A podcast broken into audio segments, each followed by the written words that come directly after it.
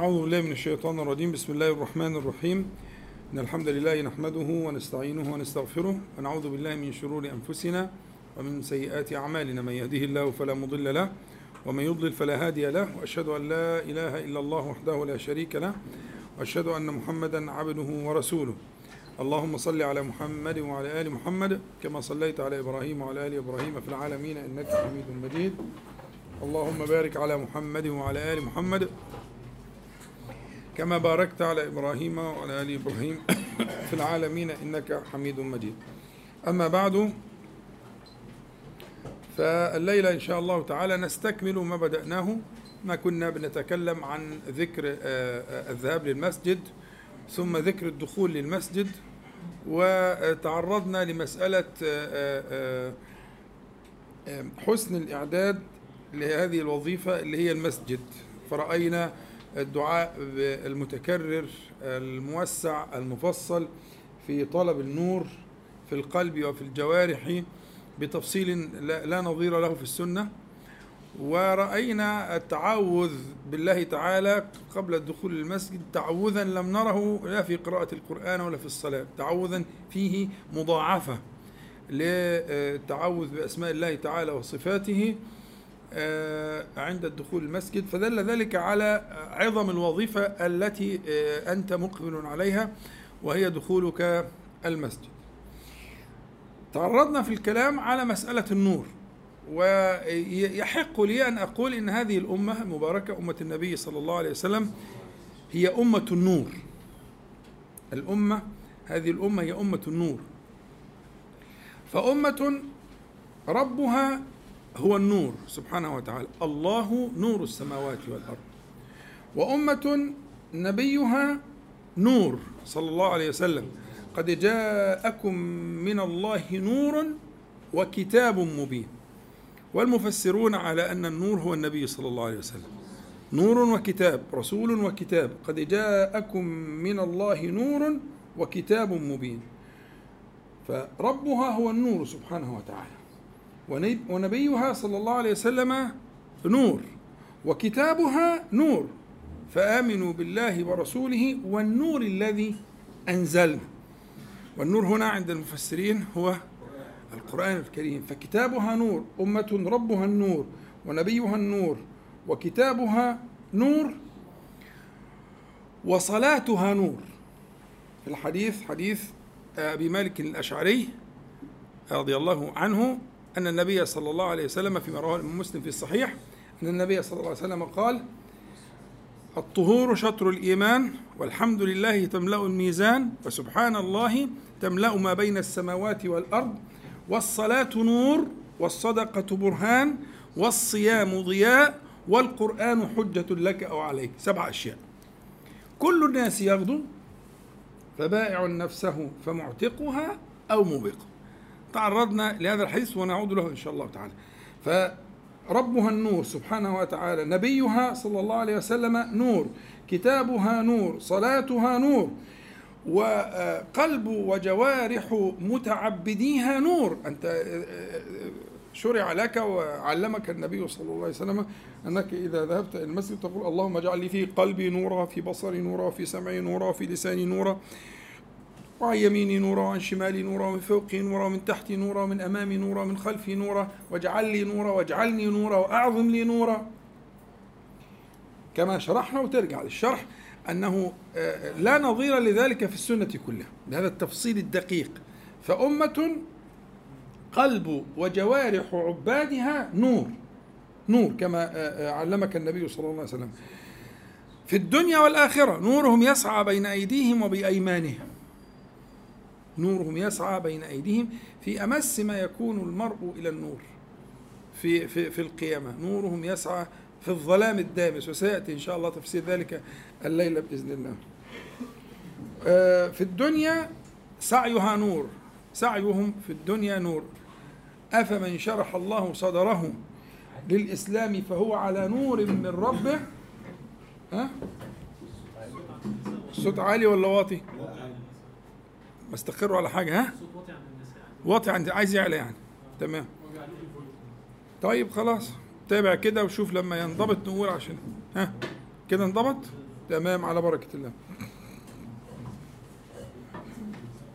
يبقى سعيها في الدنيا نور. أفمن شرح الله صدره للإسلام فهو على نور من ربه فويل للقاسية في المقابل. لكن إحنا مش هنتعرض للمسألة دلوقتي. إحنا عايزين نفتش عن وصف هذه الأمة وعلاقة هذه الأمة بالإيه؟ بالنور فلما تأكد ذلك عندنا نحن الآن نبحث في آه، آه، آه، تحصيل هذا النور الحديث اللي حديث أبي مالك الأشعري رضي الله عنه كما قلت لك إن في قول النبي صلى الله عليه وسلم الطهور شطر الإيمان ده مبتدأ وخبر والحمد لله تملأ الميزان نفس الكلام وسبحان الله تملأ ما بين السماوات والأرض نفس الكلام. طيب والصلاة نور قلنا فيها مذهبين فيها مذهبان. إما أن يكون ذلك حقيقة يبقى ده مبتدأ وخبر والصلاة على الحقيقة نور وهذا مبتدأ وخبر وإما أن يكون فيها معنى التشبيه التشبيه البليغ هي كالنور يعني كالنور في الهداية وكالنور وكذا. لكن لا داعي لأن نترك الحقائق ونذهب إلى المجازات إلا عند تعذر الحقيقة. فلا يترك العقل الحقيقة ويذهب إلى المجاز إلا إذا تعذرت الحقيقة. والحقيقة هنا غير متعذرة لأن حقيقة النور غير مدركة. حقيقة النور غير مدركة. لكن أن يقول النبي صلى الله عليه وسلم الصلاة والصدقة والصيام الثلاث أشياء دول أشكال من النور كما شرحنا المرة اللي فاتت. صح؟ ما هو الصدقة نور ده النور الأعم الأتم الأكمل في كل الأشكال. ها؟ والصدقة برهان وقلنا البرهان هو الشعاع. الشعاع الخارج من الايه من زي الشمس كده وإلى آخره تمام؟ والصيام أو الصبر حسب الروايات ضياء والضياء هو الذي فيه توهج. ها؟ فيه توهج. فكل الأشكال من أشكال الضوء والإضاءة كلها كل ذلك جاء في وصف تلك الأركان العظيمة التي قام عليها هذا الدين آه، العظيم. فبالتالي إحنا نحتاج إلى أن نتفكر شيئا في هذه المعاني وفي هذه الأوصاف لعل الله سبحانه وتعالى أن يأخذ بأيدينا إلى الاعتصام بمعاقد هذا النور في هذا الدين. معاقد النور في هذا الدين. ف الجنة هي دار النور.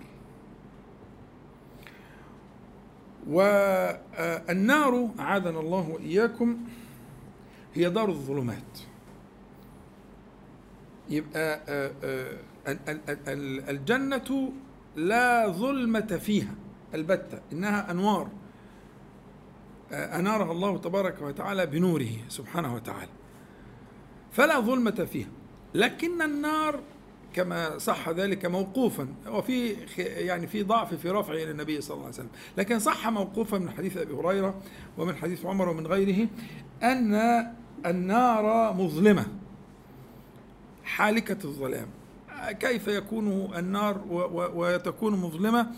يعني العقل لا يدرك ذلك لأن حقيقة نار الآخرة ليست كنار الدنيا كما صح التفريق بينها لكن ارتباط النار بالنور في في في في, في جهنم هذا أمر وراء العقل. لكن الذي صح من كلام الصحابة رضي الله عنهم وهو مما لا يقال بالعقل. يعني هذه الأشياء لا تقال بالعقل تأخذ حكم المرفوع إذا صحت إلى الصحابة. يعني الصحابي كأبي هريرة أو كعمر رضي الله عنهما لا يقول مثل هذه الأشياء عن المغيبات عن السمعيات إلا إذا كان عنده في ذلك آه، آه، علم من النبي صلى الله عليه وسلم إن لم يكن معروفا بأنه يعني اطلع على كتب أهل الكتاب وهم آه، لم يكونوا كذلك الذين رووا هذا المعنى. فالجنة دار النور والنار دار الظلمات. طيب الدنيا والقيامة والقبر. الدنيا والقيامة والقبر. هي تابعة للجنة والنار.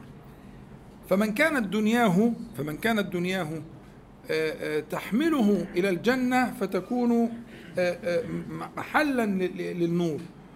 ويكون قبره كذلك محلا للنور. ويكون تكون قيامته كذلك على التفصيل هنقول إن شاء الله بالتفصيل الليلة بإذن الله ربنا يعيننا أنها تكون محلا للنور. والآخر أعاذنا الله وإياكم. تكون دنياه ظلمات لأن الله سبحانه وتعالى يخرج الذين آمنوا من الظلمات إلى النور فدنياهم نور. ويكون كذلك آه، آه، قبره آه، ويكون كذلك تكون كذلك آخرته تابعة لما هو سائر إليه من الجنة وهي دار النور ومن النار والعياذ بالله تعالى. وهي دار الظلمات. في حديث سئل النبي صلى الله عليه وسلم أين يكون الناس يوم تبدل الأرض غير الأرض والسماوات؟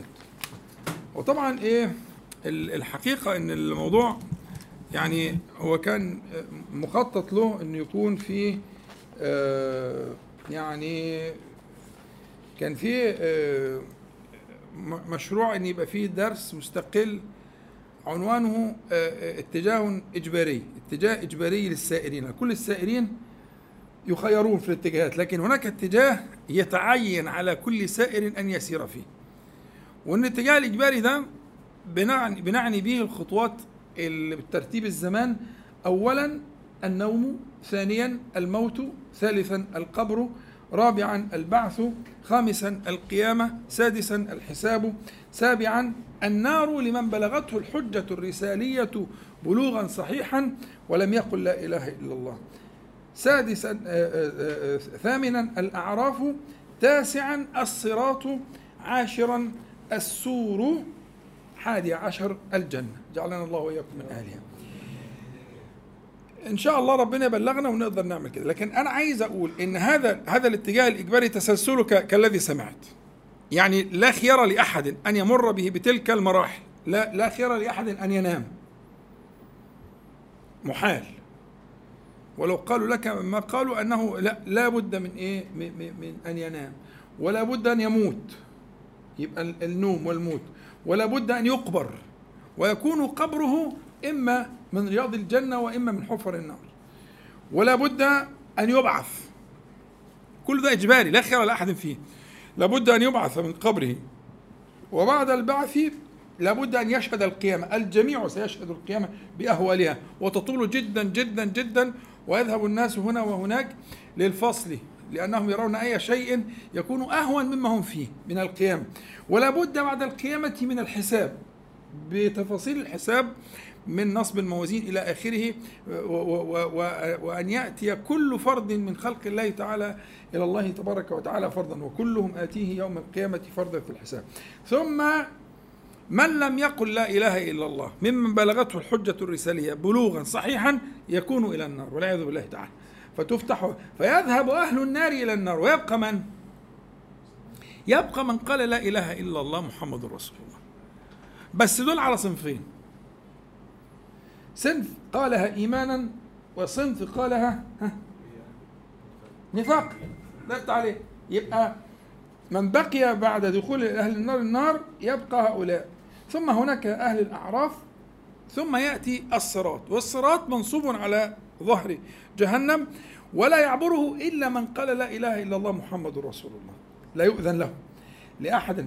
فالذين سيعبرون هذا الصراط هم من هم أصحاب لا إله إلا الله محمد رسول الله. ولكن هنا يأتي آه، آه، آه، فصل من قالها نفاقا عن من قالها إيمانا فمن قال نفاقا يخادعون كما خادعوا في الدنيا.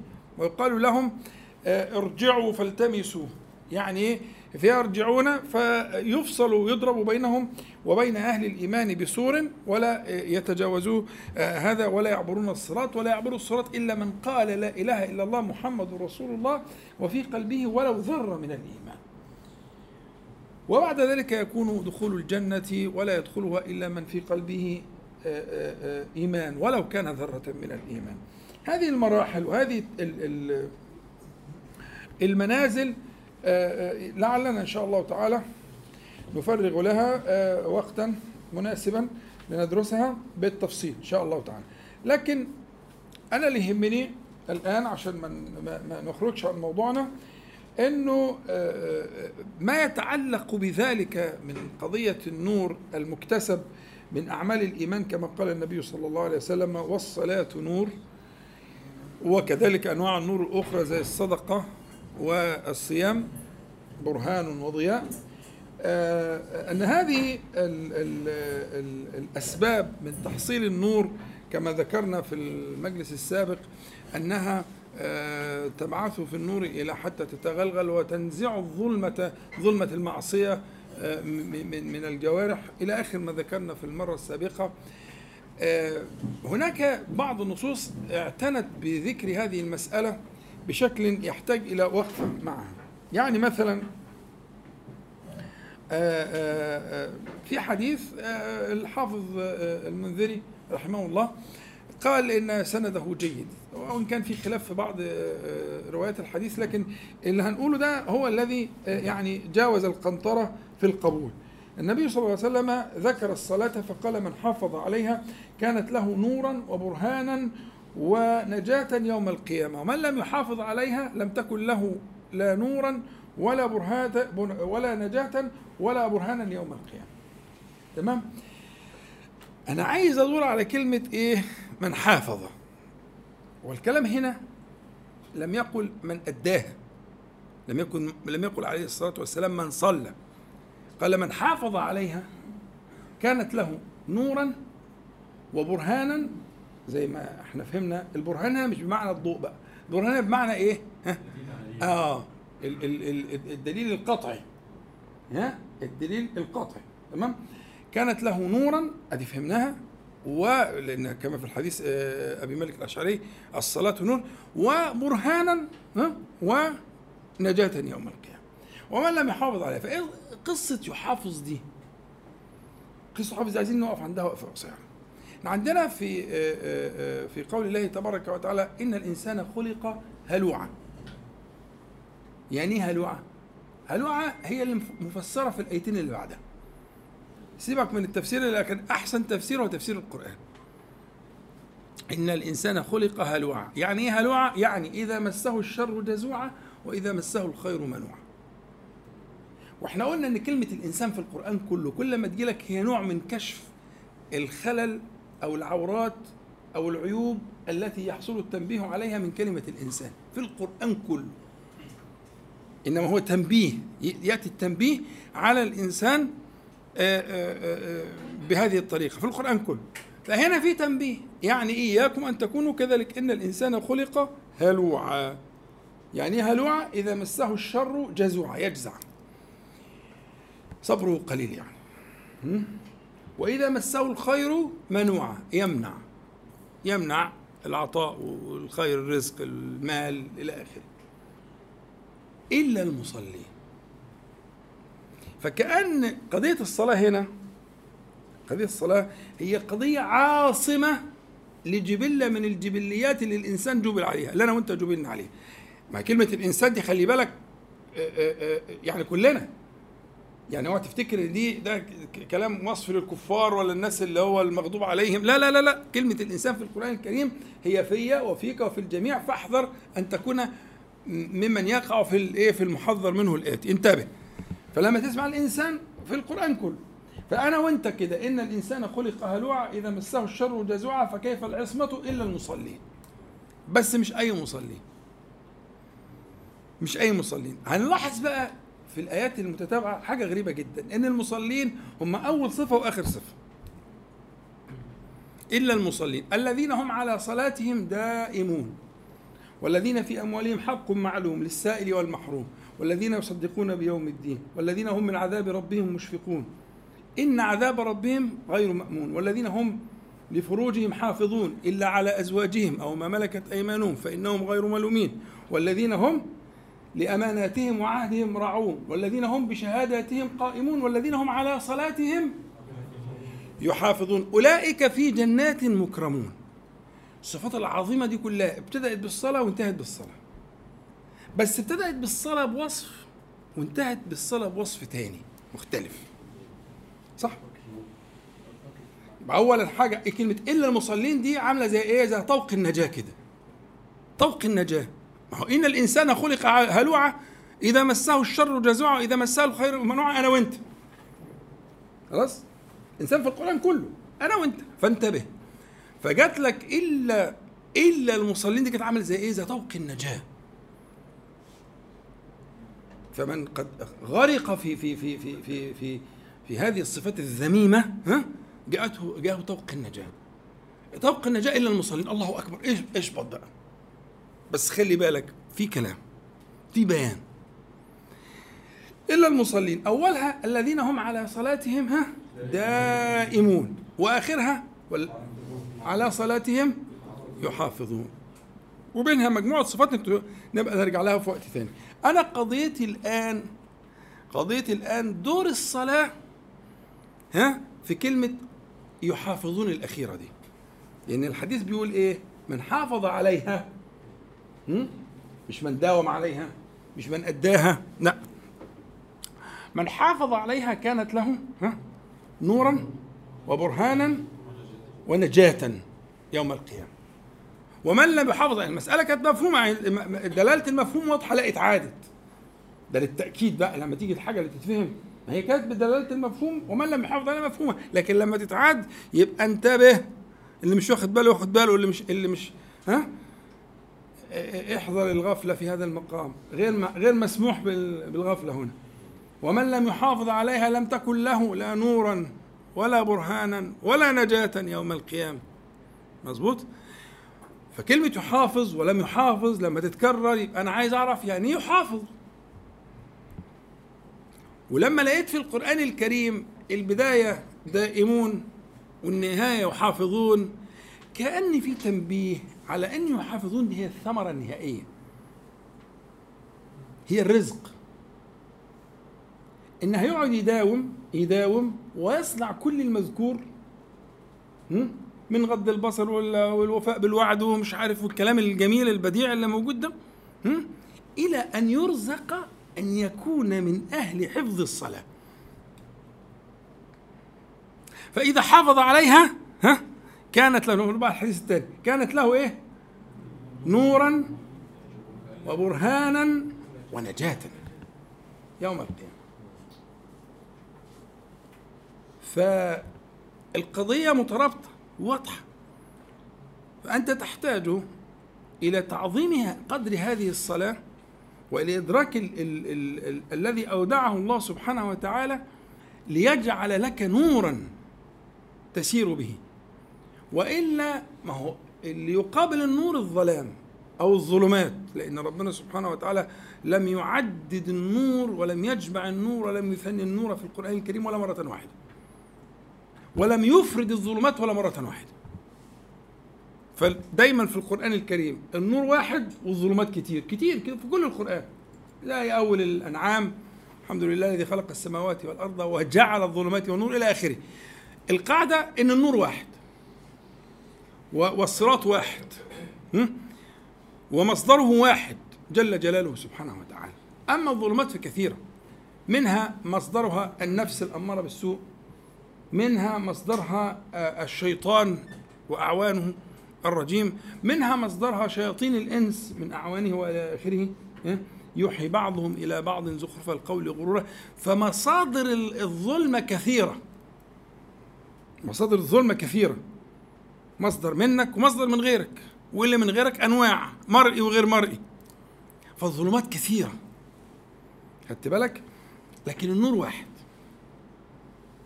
والنور لا يكون إلا من الله تبارك وتعالى. والله عز وجل جعل لهذا النور سبيلا وسببا. لن تبلغ هذا النور الذي تسير به في الدنيا كما قلت لك وتسير به يوم القيامة وتذهب إلى مستقره في الآخرة إلا بالله تبارك وتعالى.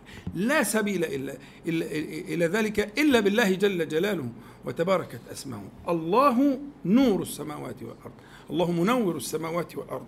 وبه يكون النور على كل فالشاهد هنا في قوله عليه الصلاة والسلام والصلاة نور وقوله عليه الصلاة والسلام من حافظ عليها كانت له قضية المحافظة الحفظ المداومة هي ما يفعله أكثر المتدينين. يعني أكثر الناس يفعل المداومة. أنا مداومة لا يضيع الصلاة وإذا فاته شيء يقضيها. هذه المداومة الذين هم على صلاتهم دائمون. هذه البداية. أن يداوم الإنسان وأن يعظم الصلاة لكن أن يحافظ عليها أن يحفظها أن يحفظها من العدوان ويحفظها من السرقة ويحفظها من الخلل ومن العيب ومن النقص ومن البدع ومن مخالفة الشريعة. أن يحفظها من كل ما ينتقص من قيمتها أن يحفظها من غفلة ومن آه، آه، سهو ومن غياب شهود. هو دي المحافظة. فإذا آه، داوم المرء زمانا يتوسل إلى الله سبحانه وتعالى لعله أن يبلغ أن يكون من أهل الحفظ للصلاة. ويخرج من هذا الذنب اللي هو جبلي فطري الإنسان علاقته بالخير وبالمال وبالدنيا وكده وعلاقته بالأزمات وبالفتن والبلاءات هي المذكورة دي. الأزمات والفتن والبلاءات والاختبارات هلوعة. جزوعة. وعلاقته بالخير برضه هلوعة بس منوعة. هي دي تفسيرها. فكأنه كذلك ولا يخرجك من ذلك إلا ما ذكر الله تبارك وتعالى. مفتتحا بالصلاة مختتما بالصلاة. على هذا الأساس في الحقيقة نحن نحتاج إلى إعادة يعني أن نراجع أنفسنا فيما تنطق به ألسنتنا ونسأل الله تبارك وتعالى به في مسألة النور والحرص عليها وسؤال الله تبارك وتعالى. بهذه الطريقة لعله إن شاء الله تعالى أن تبلغ حقيقة آه، آه، النور الذي ترجو الذي تسأله ربك سبحانه وتعالى. نرجع تاني. لما سئل النبي صلى الله عليه وسلم أين يكون الناس يوم تبدل الأرض غير الأرض والسماوات؟ يعني لما تذهب تبدل الأرض غير الأرض وتبدل السماوات كون آخر شيء آخر. أين يذهب الناس؟ الناس قبل كده هيكونوا موجودين في الأرض أو في مكان ما إيه، كالأرض إيه، تذهب إيه، الجبال والأشجار وتكون قد طبقت كالقرص الواحد يجمع الناس في أرض المحشر كل ده في الأرض. لكن إذا قضي بين الناس وذهب أهل النار إلى النار وهو في قول الله تعالى يوم تبدل الأرض غير الأرض والسماوات أين يذهب الناس في هذا المقام؟ قال آه، عليه الصلاة والسلام هم في ظلمة دون الجسر. يعني معناها إيه؟ إحنا في المرحلة الأولى اللي هي مرحلة القيامة. بيبقى عندنا إيه؟ بيبقى عندنا آآ آه، آآ آه، ناس مجموعة في ألوية مثلا. يعقد لكل جماعة لواء ده لواء الغدرة ده لواء الفجرة ده لواء الأولياء ده الأتقياء ده العباد ده المجاهدين لأن الناس بتحشر إيه؟ زمرة صح يعني زمرة على أي أساس؟ بتتقسم إزاي؟ إيه التصنيف؟ أنتوا كلكم ما شاء الله أساتذة بتتصنف إزاي الجماعات دي؟ بتتقسم إزاي يعني إيه يعني أهل الخيانة مثلا مع بعض أهل ال ال ال الإجرام والعدوان وسفك الدماء مع بعض أهل الذكر مع بعض أهل الشكر مع بعض المجاهدين مع بعض. أمال هيجمع على أي أساس على أي أساس يجمع الناس في هذه الجماعات؟ الناس تجمع يوم القيامة وتساق سوقا في في جماعات لها ألوية. وفي ناس بقى لهم أوضاع خاصة جدا زي مثلا المتحبون في جلال الله تعالى على ما نبر من نور على ما نبر من نور. ها؟ الله أعلم كيف تكون لكن هذه الحقيقة يغبطهم الأنبياء والشهداء وإلى آخره. تمام؟ اذا في في هذه المرحلة اللي هي مرحلة ال ال القيامة وتدنو الشمس والناس في عرق وإلى آخره الأحوال دي كلها إذا بدأ الحساب ووضع الله تعالى الموازين ونضع الموازين القسط ليوم القيامة فلا تظلم نفس شيئا. وإن كان مثقال حبة من خردل أتينا بها وكفى بنا حاسبين. بعد كده يحصل إيه؟ وقضي الأمر. وعرف أهل النار وأهل ال فيساق أهل النار إلى النار. وحينئذ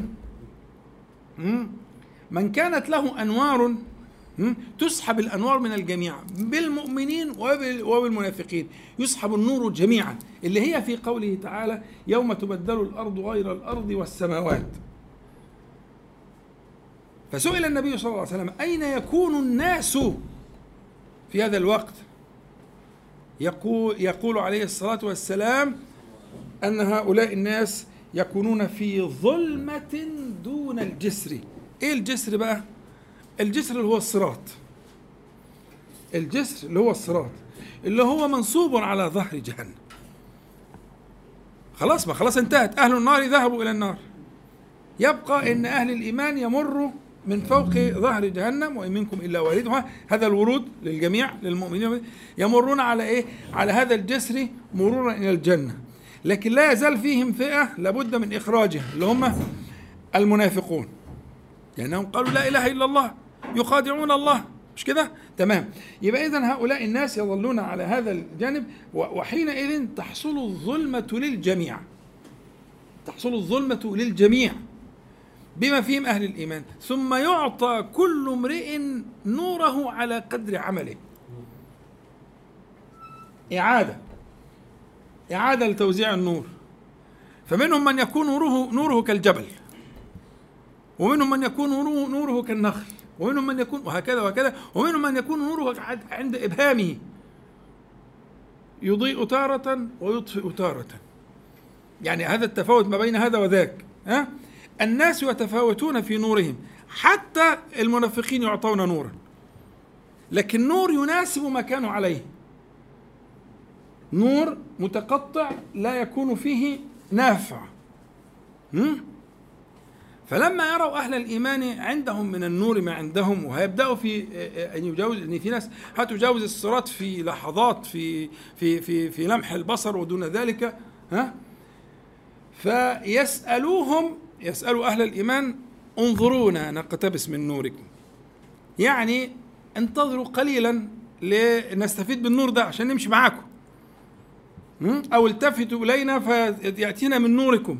معاني قريبة في تدور حول هذا المعنى. انظرونا نقتبس من نوركم. فيقال لهم من قبل الله تعالى بقى بمعاملة الايه المثل. مش إحنا دكتور محمد يقول الجزاء من جنس العمل؟ هم كانوا بيعملوا في الدنيا. يخادعون فسيخدعون. بس الخدعة هنا بقى آه باهظة الثمن.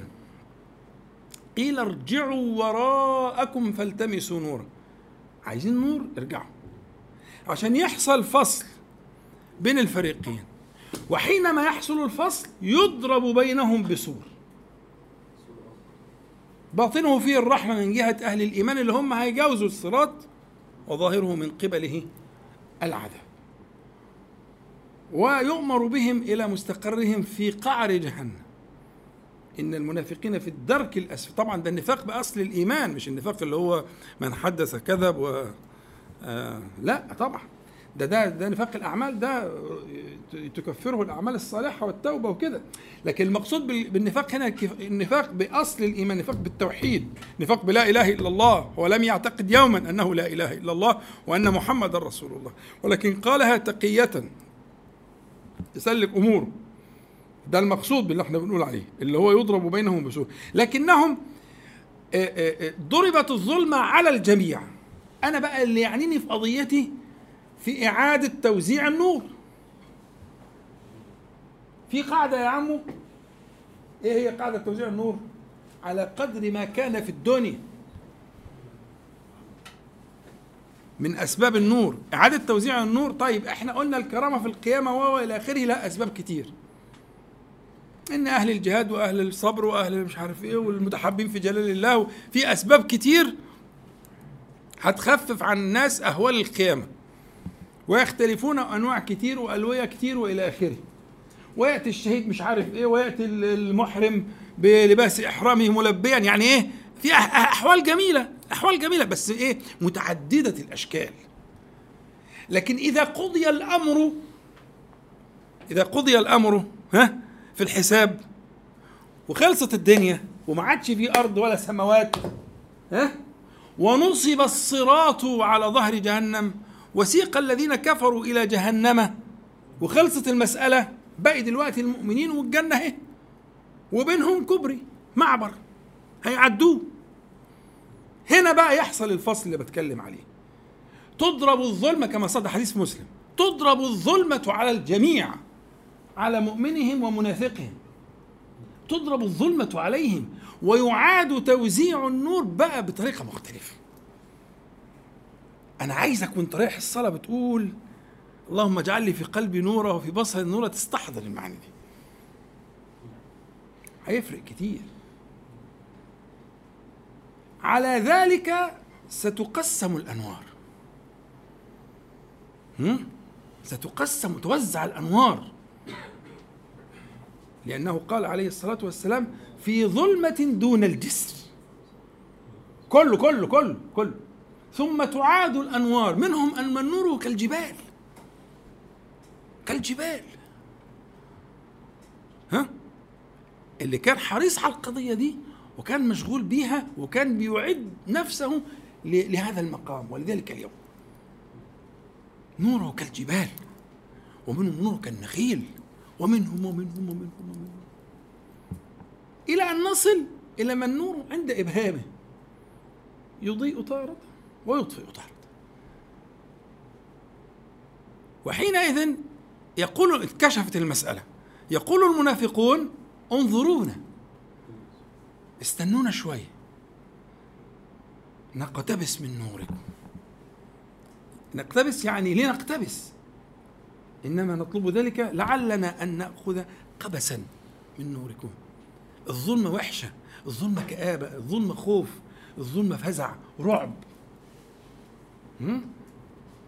في ارتباط بين الأمان واليقين وسكون القلب والنور وفي ارتباط بين الفزع والخوف والرعب والظلام. دي مسألة جبلية مسألة فطرية. فعلى طول بيقولوا كده انظرونا نقتبس من نوركم أنتوا مش كنتوا بتشوفونا معاكم؟ كنا بنصلي معاكم ونروح معاكم وكنا بنقول لا إله إلا الله زيكم. انظرونا نقتبس من نور قيل مش ما مش المؤمنين اللي هيقولوا. ده من قبل الله تعالى. لأنهم سيعاملون بمثل ما صنعوا. الجزاء من جنس العمل ارجعوا وراءكم. آه أنتوا عايزين نور ورا. ليتم الفصل. الفصل النهائي بقى. ويضرب بينهم بالسور ويساق أهل الجنة على النحو الذي قلنا. منهم من يكون له خدوش أو كدوح أو إلى آخره. تفصيل يعني يأتي في مقام إن شاء الله إذا كان في نصيب وهندرس الموضوع. لكن اللي يعنيني دلوقتي هي قضية توزيع النور النهائي. التوزيع النهائي للنور الذي هو مطلوب من الآن. هذه القضية قضية جوهرية. من الآن ضع ذلك بين عينيك. وانتبه ما حظك من هذا النور وهذه القسمة للنور في هذا الموقف الذي كما قلت لك هو حتمي إجباري لا خير لأحد فيه. لا بد أن يساق الناس كما ذكر الله تبارك وتعالى في القرآن الكريم يساقون جميعا مؤمنهم وكافرهم منافقهم ومخلصهم. الجميع يساقون. لا بد من السوق في هذا الطريق. ولا بد من هذا التفريق وهذا التقسيم وهذا التوزيع للأنوار. هذا أمر حتمي. لا مفر منه. أين أنت من ذلك؟ الآن. الآن. في صلاة الفجر اللي هي بكرة إن شاء الله. بشروا ها المشائين إلى المساجد في الظلم بالنور التام يوم القيامة. يعني النور التام هو ده اللي أنا بتكلم عليه. تمام النور. تمام النور. ومشاء صيغة مبالغة. صيغة مبالغة للمساجد في العشاء وفي الفجر. ما الصلاتين دول هم المقصودين. لأن المغرب ما بيكونش فيه ظلم. ها؟ فالمقصود في الظلم يعني في العشاء والفجر. فاللي جاية دي داخلة في موضوعنا. وانت خارج الصبح إن شاء الله تقول كده. وعيدها مرة واثنين لغاية لما تدخل قلبك. و و و و و و واصنع بينك وبين الله تعالى عهدا على ذلك. وقولها كلمة كلمة وما تستعجلش. حرف حرف. تعبد بتلك الألفاظ النبوية المشرفة لعل الله سبحانه وتعالى أن يأخذ بأيدينا إليه. هذه القضية قضية في منتهى الأهمية لأن آه، آه، مرجع النور كما قلت لك. لا بد أمر حتمي ستوزع الأنوار حتما. فما نصيبك؟ نصيبك أنت فلان ابن فلان ما نصيبك؟ وانظر في شأنك. فترة دي 40 طيب خلاص نا- ناخد عايز تسأل حاجة؟ اتفضل. سامع. الجسر ده؟ آه القنطرة بعد الجسر اللي هو الحساب اللي بيوصل يعني أنا حكي يعني الدنيا عن بعض ده كل ده في الحساب. آه أنت تقصد الحساب اللي هو مناقشة الحساب ومع لا لا العباد ده القصاص من العباد ده عند الميزان. ده قبل أن يذهب أهل النار إلى النار. هو القيامة بأهوالها تستمر زمنا لا يعلمه إلا الله سبحانه وتعالى. ويذهب الناس إلى الأنبياء. لست لها لست لها لا حتى يذهبوا إلى النبي صلى الله عليه وسلم. يقول أنا لها أنا لها. ويسجد تحت العرش. ويثني على الله تعالى بما يعلمه ربه سبحانه وتعالى. فيبدأ الحساب. هو دي الشفاعة العظمى.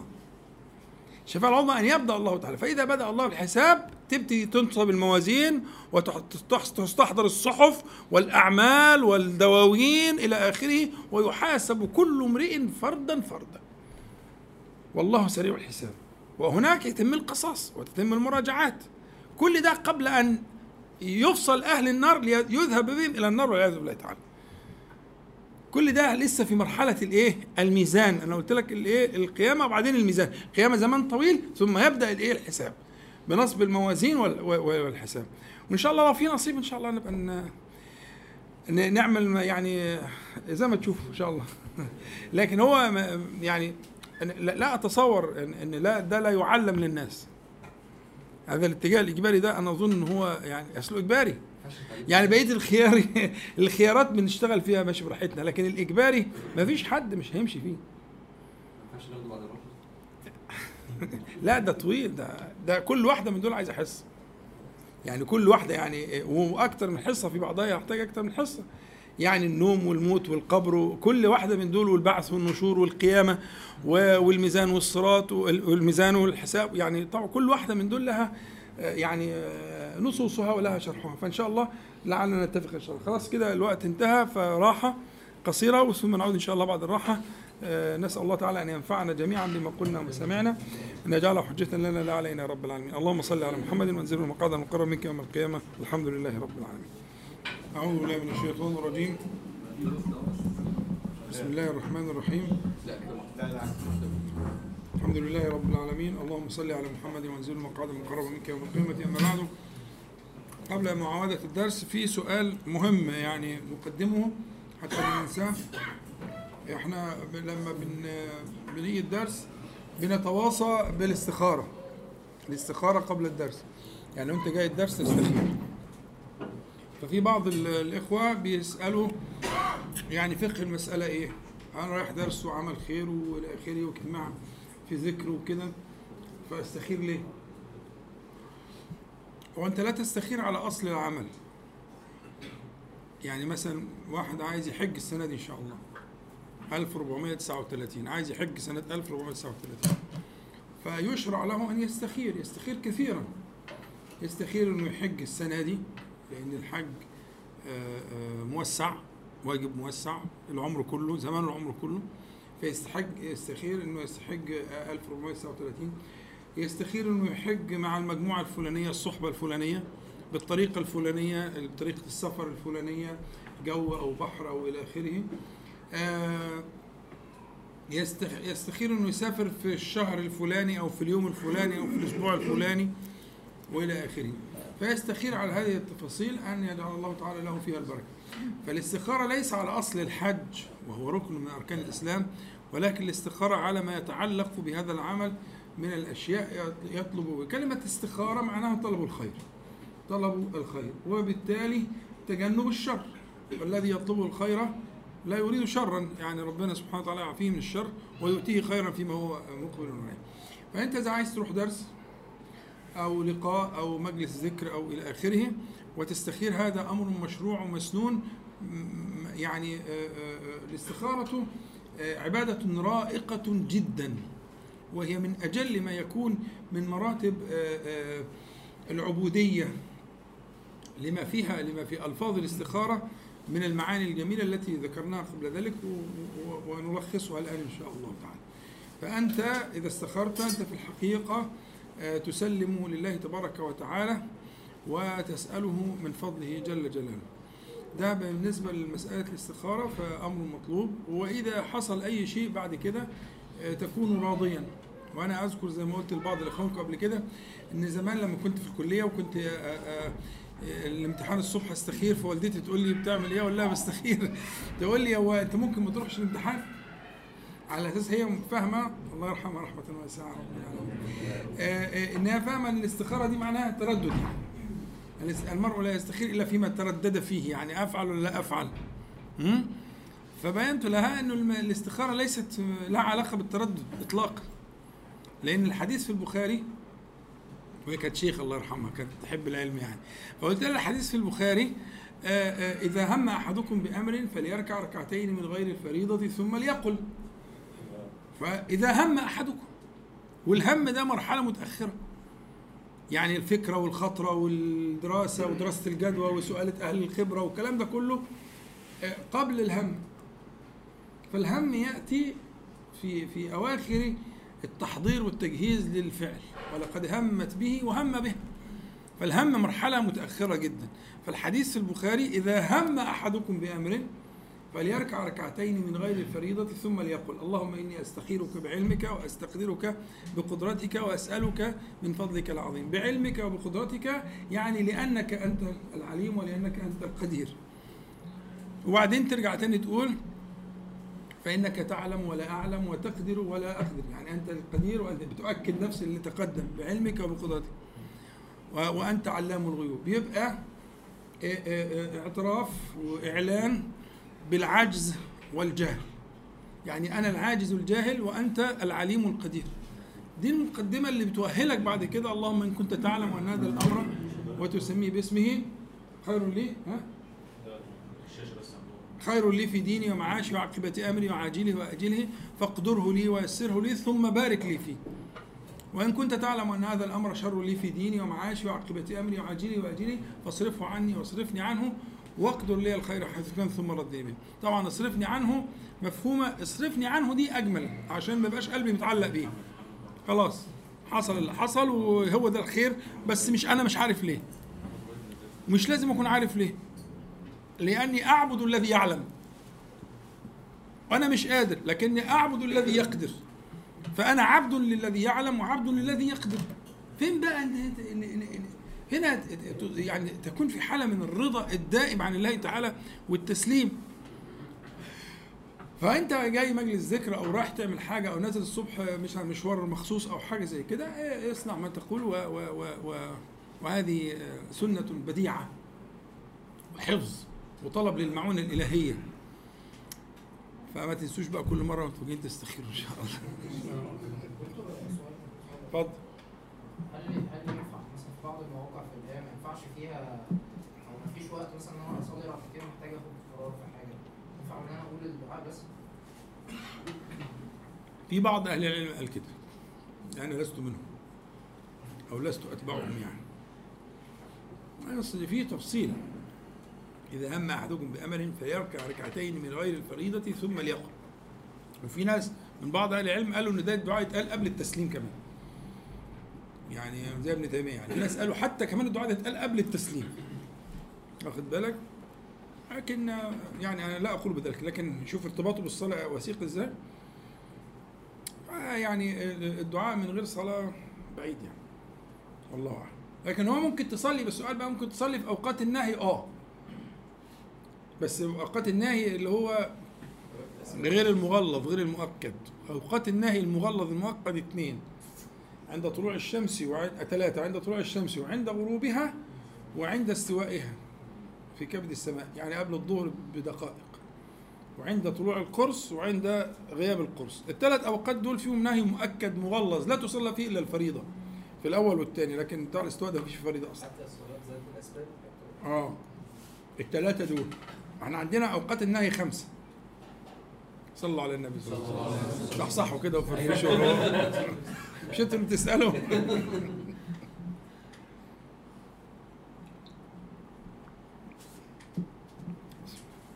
أوقات النهي عن الصلاة خمسة.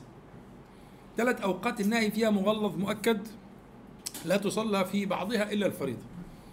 عند طلوع الشمس عند غروبها عند استواء الشمس اللي هو قبل إيه؟ في وسط السماء يعني عند قبل صلاة الظهر. فلا يصلى إيه، إيه، عند طلوع الشمس وعند غروبها إلا الفريضة. الفجر أو الإيه؟ العصر. آه، أما عند الاستواء فلا ما فيش فريضة. حتى لو كنت صليت الفجر استنى لما تحرك الشمس ويدخل وقت الظهر وصلي الفجر. الوقتين التانيين وقتين آه، آه، النهي فيه فيهما نهي كراهة تنزيه يعني إذا كان لها سبب إذا كان صلاة لها سبب فصلي. اللي هم بعد صلاة الصبح إلى ارتفاع الشمس عند رؤوس الجبال وبعد صلاة العصر إلى المغرب. وهنا صح إن الصحابة صلوا في الوقت الأول والنبي عليه الصلاة والسلام صح أنه صلى في الوقت الثاني. صلى النبي صلى الله عليه وسلم بعد العصر في بيته. خلاص؟ قضى سنة الظهر فأمر ثابت وخلاص ما فيش مشكلة يعني إن إن فحتى لو في وقت من الأوقات اللي هم بعد صلاة الصبح إلى ال- إلى طلوع إلى ارتفاع الشمس على رؤوس الجبال أو بعد صلاة العصر المغرب يجوز أن تصلي ركعتين لأنها من ذوات الأسباب. الأسباب المهمة الوجيهة اللي هي صلاة ال- الاستخاره ركعتين وتستخير بعدها. أو ممكن يكون ركعتين سنة راتبة. سنة الظهر سنة العصر سنة ماشي مش مشكلة. المهم تكون من غير الفريضة. صفتها إنها من غير الفريضة. بس. يا إما مختصة بال بال بالاستخارة أو غير مختصة. كلها قصد تاني. تحية مسجد آه، سنة وضوء آه، آه، سنة راتبة أي حاجة وبعدين نعم.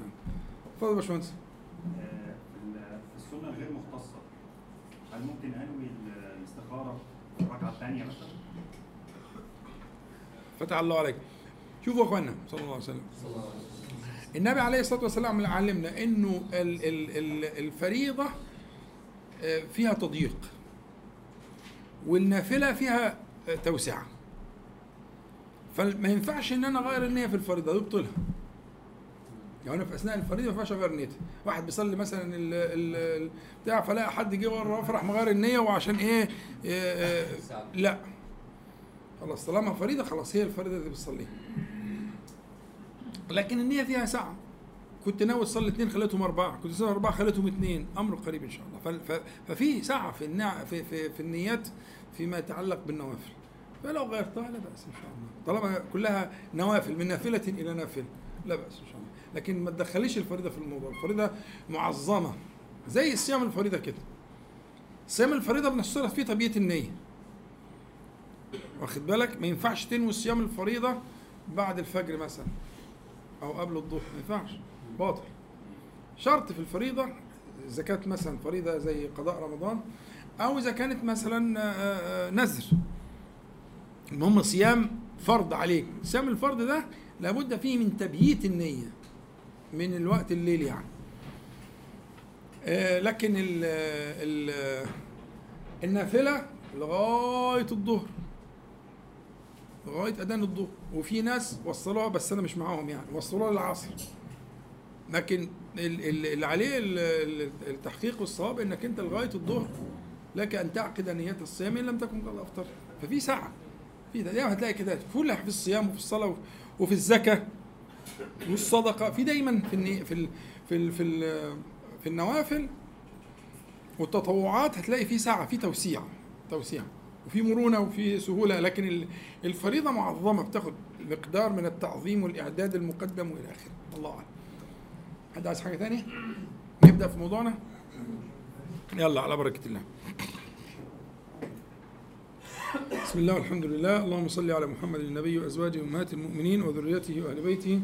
كما صليت على آل إبراهيم إنك حميد مجيد. إحنا التعظيم اللي اتكلمنا فيه والإجلال اللي قلنا فيه من أول أنت ما سمعت الأذان فأصغيت وانفصلت عن العالم وبدأت تردد وبعد كده آه، ذهبت للتخلي ثم خرجت من الخلاء ثم توضأت واستحضرت المعاني في الباطنة في الوضوء واستلال الخطايا من بين الأعضاء ومن آه، ثم آه، ذكرت الأذكار اللي بعد الوضوء وما فيها من ال- البركات ال- ال- العظام ثم توجهت إلى المسجد وقلت ذكر الخروج من البيت ثم ذكر ال- ال- الذهاب للمسجد ثم ذكر دخول المسجد ورأيت التعظيم البالغ والتكرار زي ما لسه قلنا قبل ال- ال- الراحة. إحنا رايحين نعمل إيه؟ رايحين لأجل موقف يمكن أن يكون لك في حياتك. إنك ذاهب إلى الله. ذاهب. وقال إني ذاهب إلى ربي. انت ذاهب إلى الله. الله تعالى لا يحد في زمان ولا في مكان لكن ذاهب إلى الله يعني إلى بيت الله إلى ما ينسب إليه سبحانه وتعالى إلى ما يعظم بذكر الله تعالى. فاستحق الإعداد البالغ ولذلك إحنا خلاص قلنا وقلنا ذكر الدخول للمسجد وارجعوا للكلام في التسجيلات السابقة ودخلنا المسجد بالفعل. المسجد ربنا سبحانه وتعالى وصفه قال في بيوت أذن الله أن ترفع. ويذكر فيها اسمه. يسبح له فيها بالغدو والآصال رجال. لا تلهيهم تجارة ولا بيع عن ذكر الله. وإقام الصلاة وإيتاء الزكاة يخافون يوما. يوما تتقلب فيه القلوب والأبصار. ليجزيهم الله أحسن ما عملوا. ال ال ال السياق ده في الحقيقة كثيرا ما يغيب عن ذهني. يعني أنا مش هتكتمل الصورة ما قدمناه من معاني النور ومعاني الذكر ومعاني استعداد والتجهيز الظاهر والباطن إلا باستحضار ما أنت ذاهب إليه. اللي أنت ذاهب إليه ربنا سبحانه وتعالى وصفه بهذا الوصف. قال في بيوت أذن الله أن ترفع. يعني إيه ترفع؟ يعني مآذن يعني؟ و و و وأدوار عليا وكده؟ ولا رأيكم إيه؟ أن ترفع يعني إيه؟ آه الرفعة هنا أولا هي رفعة في قلوب أهل الإيمان. لأن الحاصل أن مسجد النبي صلى الله عليه وسلم يكون كذلك. ها؟ لم يكن على الحال, اللي هو لكن هو كان على آه، أيسر وأسهل ما يكون من البناء ونحو ذلك. وهو أعظم ال- ال- المثال أعظم مثال على ال- الآية الكريمة هو مسجد النبي عليه الصلاة والسلام الذي كان في حياته. وكان مفروشا بالحصباء وكان سقف النخيل وإلى آخره. فأن ترفع يعني أن تجلى أن تجلى عما يكون في غيرها من البيوت. أن تطهر أن تجل في القلوب وتجل في الواقع وأن تنزه وأن تبعد عن كل لغو وبيع وشراء و واختلاف وارتفاع صوت ونفاق وجدال. فالرفعة هنا المقصودة في الآية هي رفعة المسجد عما يكون في غيره. يترفع المسجد عن عما يكون في غيره مما قد يكون مباحا. زي البيع والشراء والجدل والأشياء اللي بالمعنى ده. وبالتالي في بيوت أذن الله أن ترفع على هذا النحو ويذكر فيها اسمه. وهذه هي مدار القضية. وهذا هو حفظ الأرض. حفظ الأرض بمواطن الذكر. صح؟ إحنا قلنا ان في موضعين في سورة البقرة وفي سورة الحج.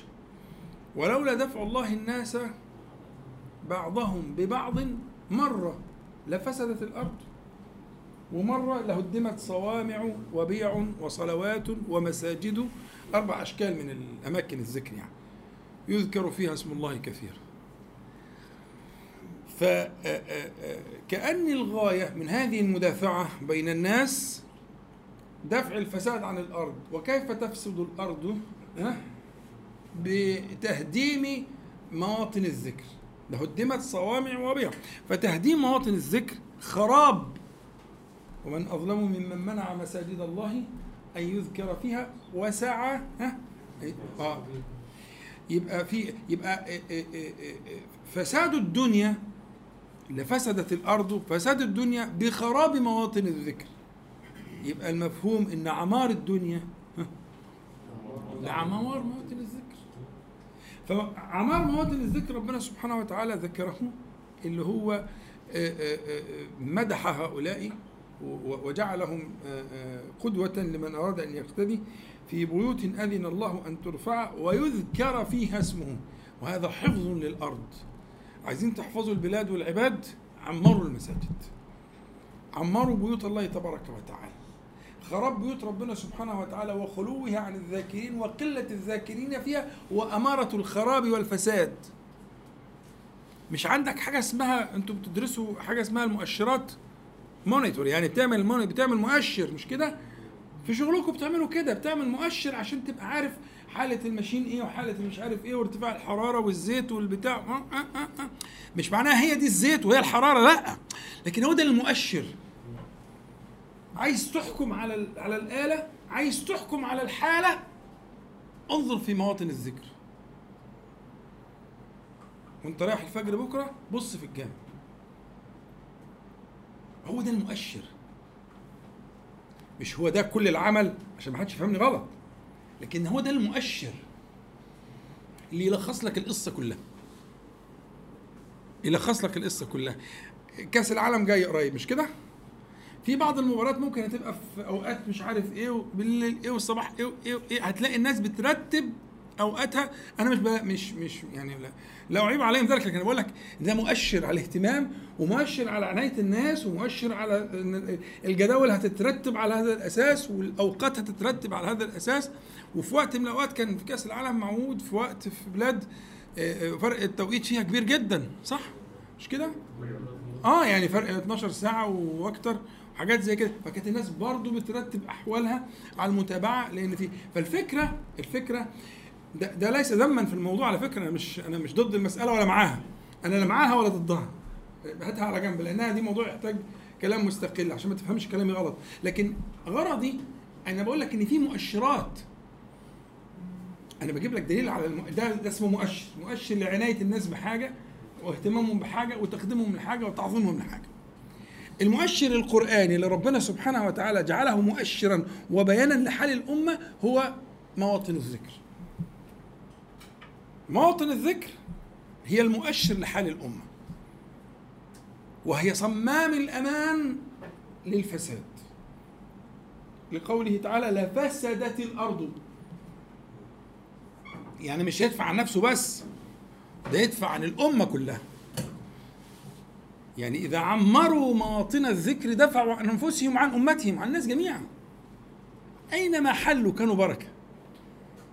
في الدور والمحلات والقرى والنجوع والكفور والأحياء وال- والبلدان والمدن الكبيرة والمدن الصغيرة أينما حلوا كانوا ذكرا وكانوا دفعا وحفظا ودفعا للفساد في هذه المواطن. فبالتالي في بيوت أذن الله أن ترفع ويذكر فيها اسمه يسبح له فيها بالغدو والآصال. يعني في الأوائل والأواخر النهار والليل ودوران الدورة رجال. يبقى القضية العظمى اللي إحنا رايحين فيها هي قضية ذكر الله تبارك وتعالى وتنزيه الله سبحانه وتعالى التسبيح. تنزيه لله سبحانه وتعالى آه، عن كل نقص ووصف لله تبارك وتعالى بكل كمال. ده الغرض اللي أنا رايح له اللي أنا عملت له الإعداد الطويل اللي بدأ من أول ما جلسنا في قصة الوضوء وما بعده إلى أن وصلنا المسجد ودخلنا المسجد واستعاذنا بالله العظيم ووجهه الكريم وسلطانه القديم استعاذات. مبالغة استعاذات مركبة على كل ده علشان إيه أخلي نفسي للوظيفة اللي جاية اللي هي ذكر الله تعالى ولتدخل أنت في هذا هذا ال ال الفريق ال ال ال الذي ذكره الله سبحانه وتعالى من هؤلاء الرجال. يسبح له فيها بالغدو والآصال رجال. الحقيقة الأوصاف اللي جاية يعني حاجة عجيبة جدا. لا تلهيهم أول حاجة لا تلهيهم تجارة ولا بيع عن ذكر الله. فكأن هنا في إعلان بإن القضية دي هي القضية الشاغله إن دايما هيبقى إيه اللي يصرفك عن ذكر الله؟ إيه اللي يلهيك؟ لها يلهو لهوا ها؟ ما الذي يلهيك؟ ما الذي ينسيك؟ ما الذي يطغيك؟ ما الذي يفعل بك الأفاعيل؟ ها؟ تجارة أو بيع. يعني ملخص الدنيا. فإنما مدح هؤلاء لأن تلك الأشياء وإن كانوا يتعاطونها لكنها لا تشغلهم لأن هم لو ما لهمش فيها أصلا يبقى وجه المديح. يعني هم ليسوا من أهل الدنيا. مقطوعين ما لهمش لا دنيا ولا بتاع ولا حاجات زي كده يبقى ليس مق... ليس هناك مقام للمدح. المدح إن هم من أهلها. يتعاطون التجارة والبيع. ولكن التجارة والبيع ما لهتهم ما شغلتهم. ما صرفتهم. وبالتالي رجال لا تلهيهم تجارة ولا بيع عن ذكر الله. حينما يأتي وقت الذكر ينفصل. زي ما قلت لك إيه هتبتدي بإيه؟ ها؟ الله يفتح عليك. هو السر والله العظيم أقسم بالله. مفتاح قد كده هو هو المفتاح كله على بعضه قد كده هو إن أول ما تسمع الله أكبر افصل. ايا كان حالك أو شأنك. تتكلم في الهاتف بتتكلم مع حد بتشعر إيه نايم بتاكل بتشرب بتلعب بتتفرج على مباراة زي ما يكون. ها؟ افصل. هي دي البداية الموفقة اللي هتوصلك للنهاية السعيدة. اللي هي ها؟ لا تلهيهم تجارة ولا بيع عن ذكر الله. مش هتوصل لدي إلا بالبداية اللي اتفقنا عليها. وأن يكون الأذان فصل بين ما قبله وما بعده. وارجع كمان للكلام اللي قلناه في قضية الأكبرية واختيار لفظ الأكبرية في الأذان. وهو اللي بي... بي... الذي يحملك إلى هذا المعنى. يحملك إلى في النهاية إنك تقول إيه؟ لا تلهيهم تجارة ولا بيع عن ذكر الله وإقام الصلاة وإيتاء الزكاة. وهنا إيتاء الزكاة ملوش تعلق بالمسجد قوي ولا إيه؟ فكأنه هو الإشارة إلى أن مفتاح أركان الدين كلها في هذه الوظيفة. تعظيم منازل ذكر الله تعالى تعظيم بيوت الله تعالى تعظيم المساجد. أصل أنت لو فكرت إيه علاقة إيتاء الزكاة بالمساجد؟ هتلاقي في التفسير شيء كلام أحيانا فيه شيء من التكلف مش مناسب. يعني لازم أروح أدي الزكاة في المسجد مثلا ملهاش علاقة بالموضوع. لا هي النفس التي فاضت عطاء فأعطت وأعطت الحق وما فوق الحق. هو ده المقصود. النفس اللي عظمت من أول التكبير حتى بلغت المسجد ودخلت بهذه ال ال ال ال بهذا بهذا الشهود هذه النفس ترزق ما سمعت. من أنه يعظم ذكر الله سبحانه وتعالى وتسبيحه وتنزيهه. يسبح له فيها بالغدو والأصال. رجال لا تلهيهم تجارة ولا بيع عن ذكر الله وإقام الصلاة وإيتاء الزكاة. كلمة يخافون يوما الإتيان هنا بالفعل المضارع له معنى. أنتوا بقيتوا أساتذة دلوقتي طبعا كلكم. صح. لا تلهيهم تجارة كلها ولا عن ذكر الله وإقام. لكن هنا يخافون انتقلنا للمضارع المضارع يا اخوانا في كلام العرب بيفيد زي ما اتفقنا قبل كده الحال اللي هو دلوقتي والاستمرار. يعني الفعل المضارع أصله زمانه متعلق بزمانين مش بزمن واحد. ها؟ الماضي متعلق بزمن واحد اللي هو الزمن الماضي. والأمر متعلق بزمن واحد اللي هو زمن التكلم. افعل. ها؟ لكن المضارع يتعلق بزمانين مش بزمن واحد. يتعلق بزمان التكلم وبالحال المستقبل الحال والاستقبال. وبالتالي لما يقول ربنا سبحانه وتعالى يخافون يوما يعني هذا كأنه الحال الذي لا يفارقهم لا ينسون هذا اليوم. نرجع للشوية اللي قلناهم قبل الراحة. أهو ده. لو حبيتوا نبتدي ن- ن- ن- يعني نتكلم في الموضوع. مهم جدا استحضار ما يكون في هذا اليوم. وما قبله وما بعده. مهم جدا. لأن أنت شايف المدح. في النهاية قمة المدح وصلت لإيه؟ يخافون يوما. تتقلب فيه القلوب والأبصار. هم؟ فكان أقص أكثر ما ما يقسم النبي صلى الله عليه وسلم يقول لا ومقلب القلوب والأبصار. لا ومقلب القلوب والأبصار.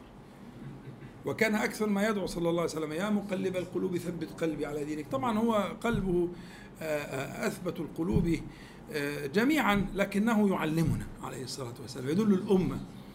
فليكن ذلك دعاؤكم دائما دائما لا تفارقوه. يا مقلب القلوب ثبت قلبي. ت- تقلب القلوب والأبصار ها إنما هي لا تكون إلا بالله. لأن لا حيلة للمرء في قلبه هو فضلا أن يكون لقلب غيره. وبالتالي ال- لا لا يثبت القلب ولا يربطه عليه إلا الله سبحانه وتعالى.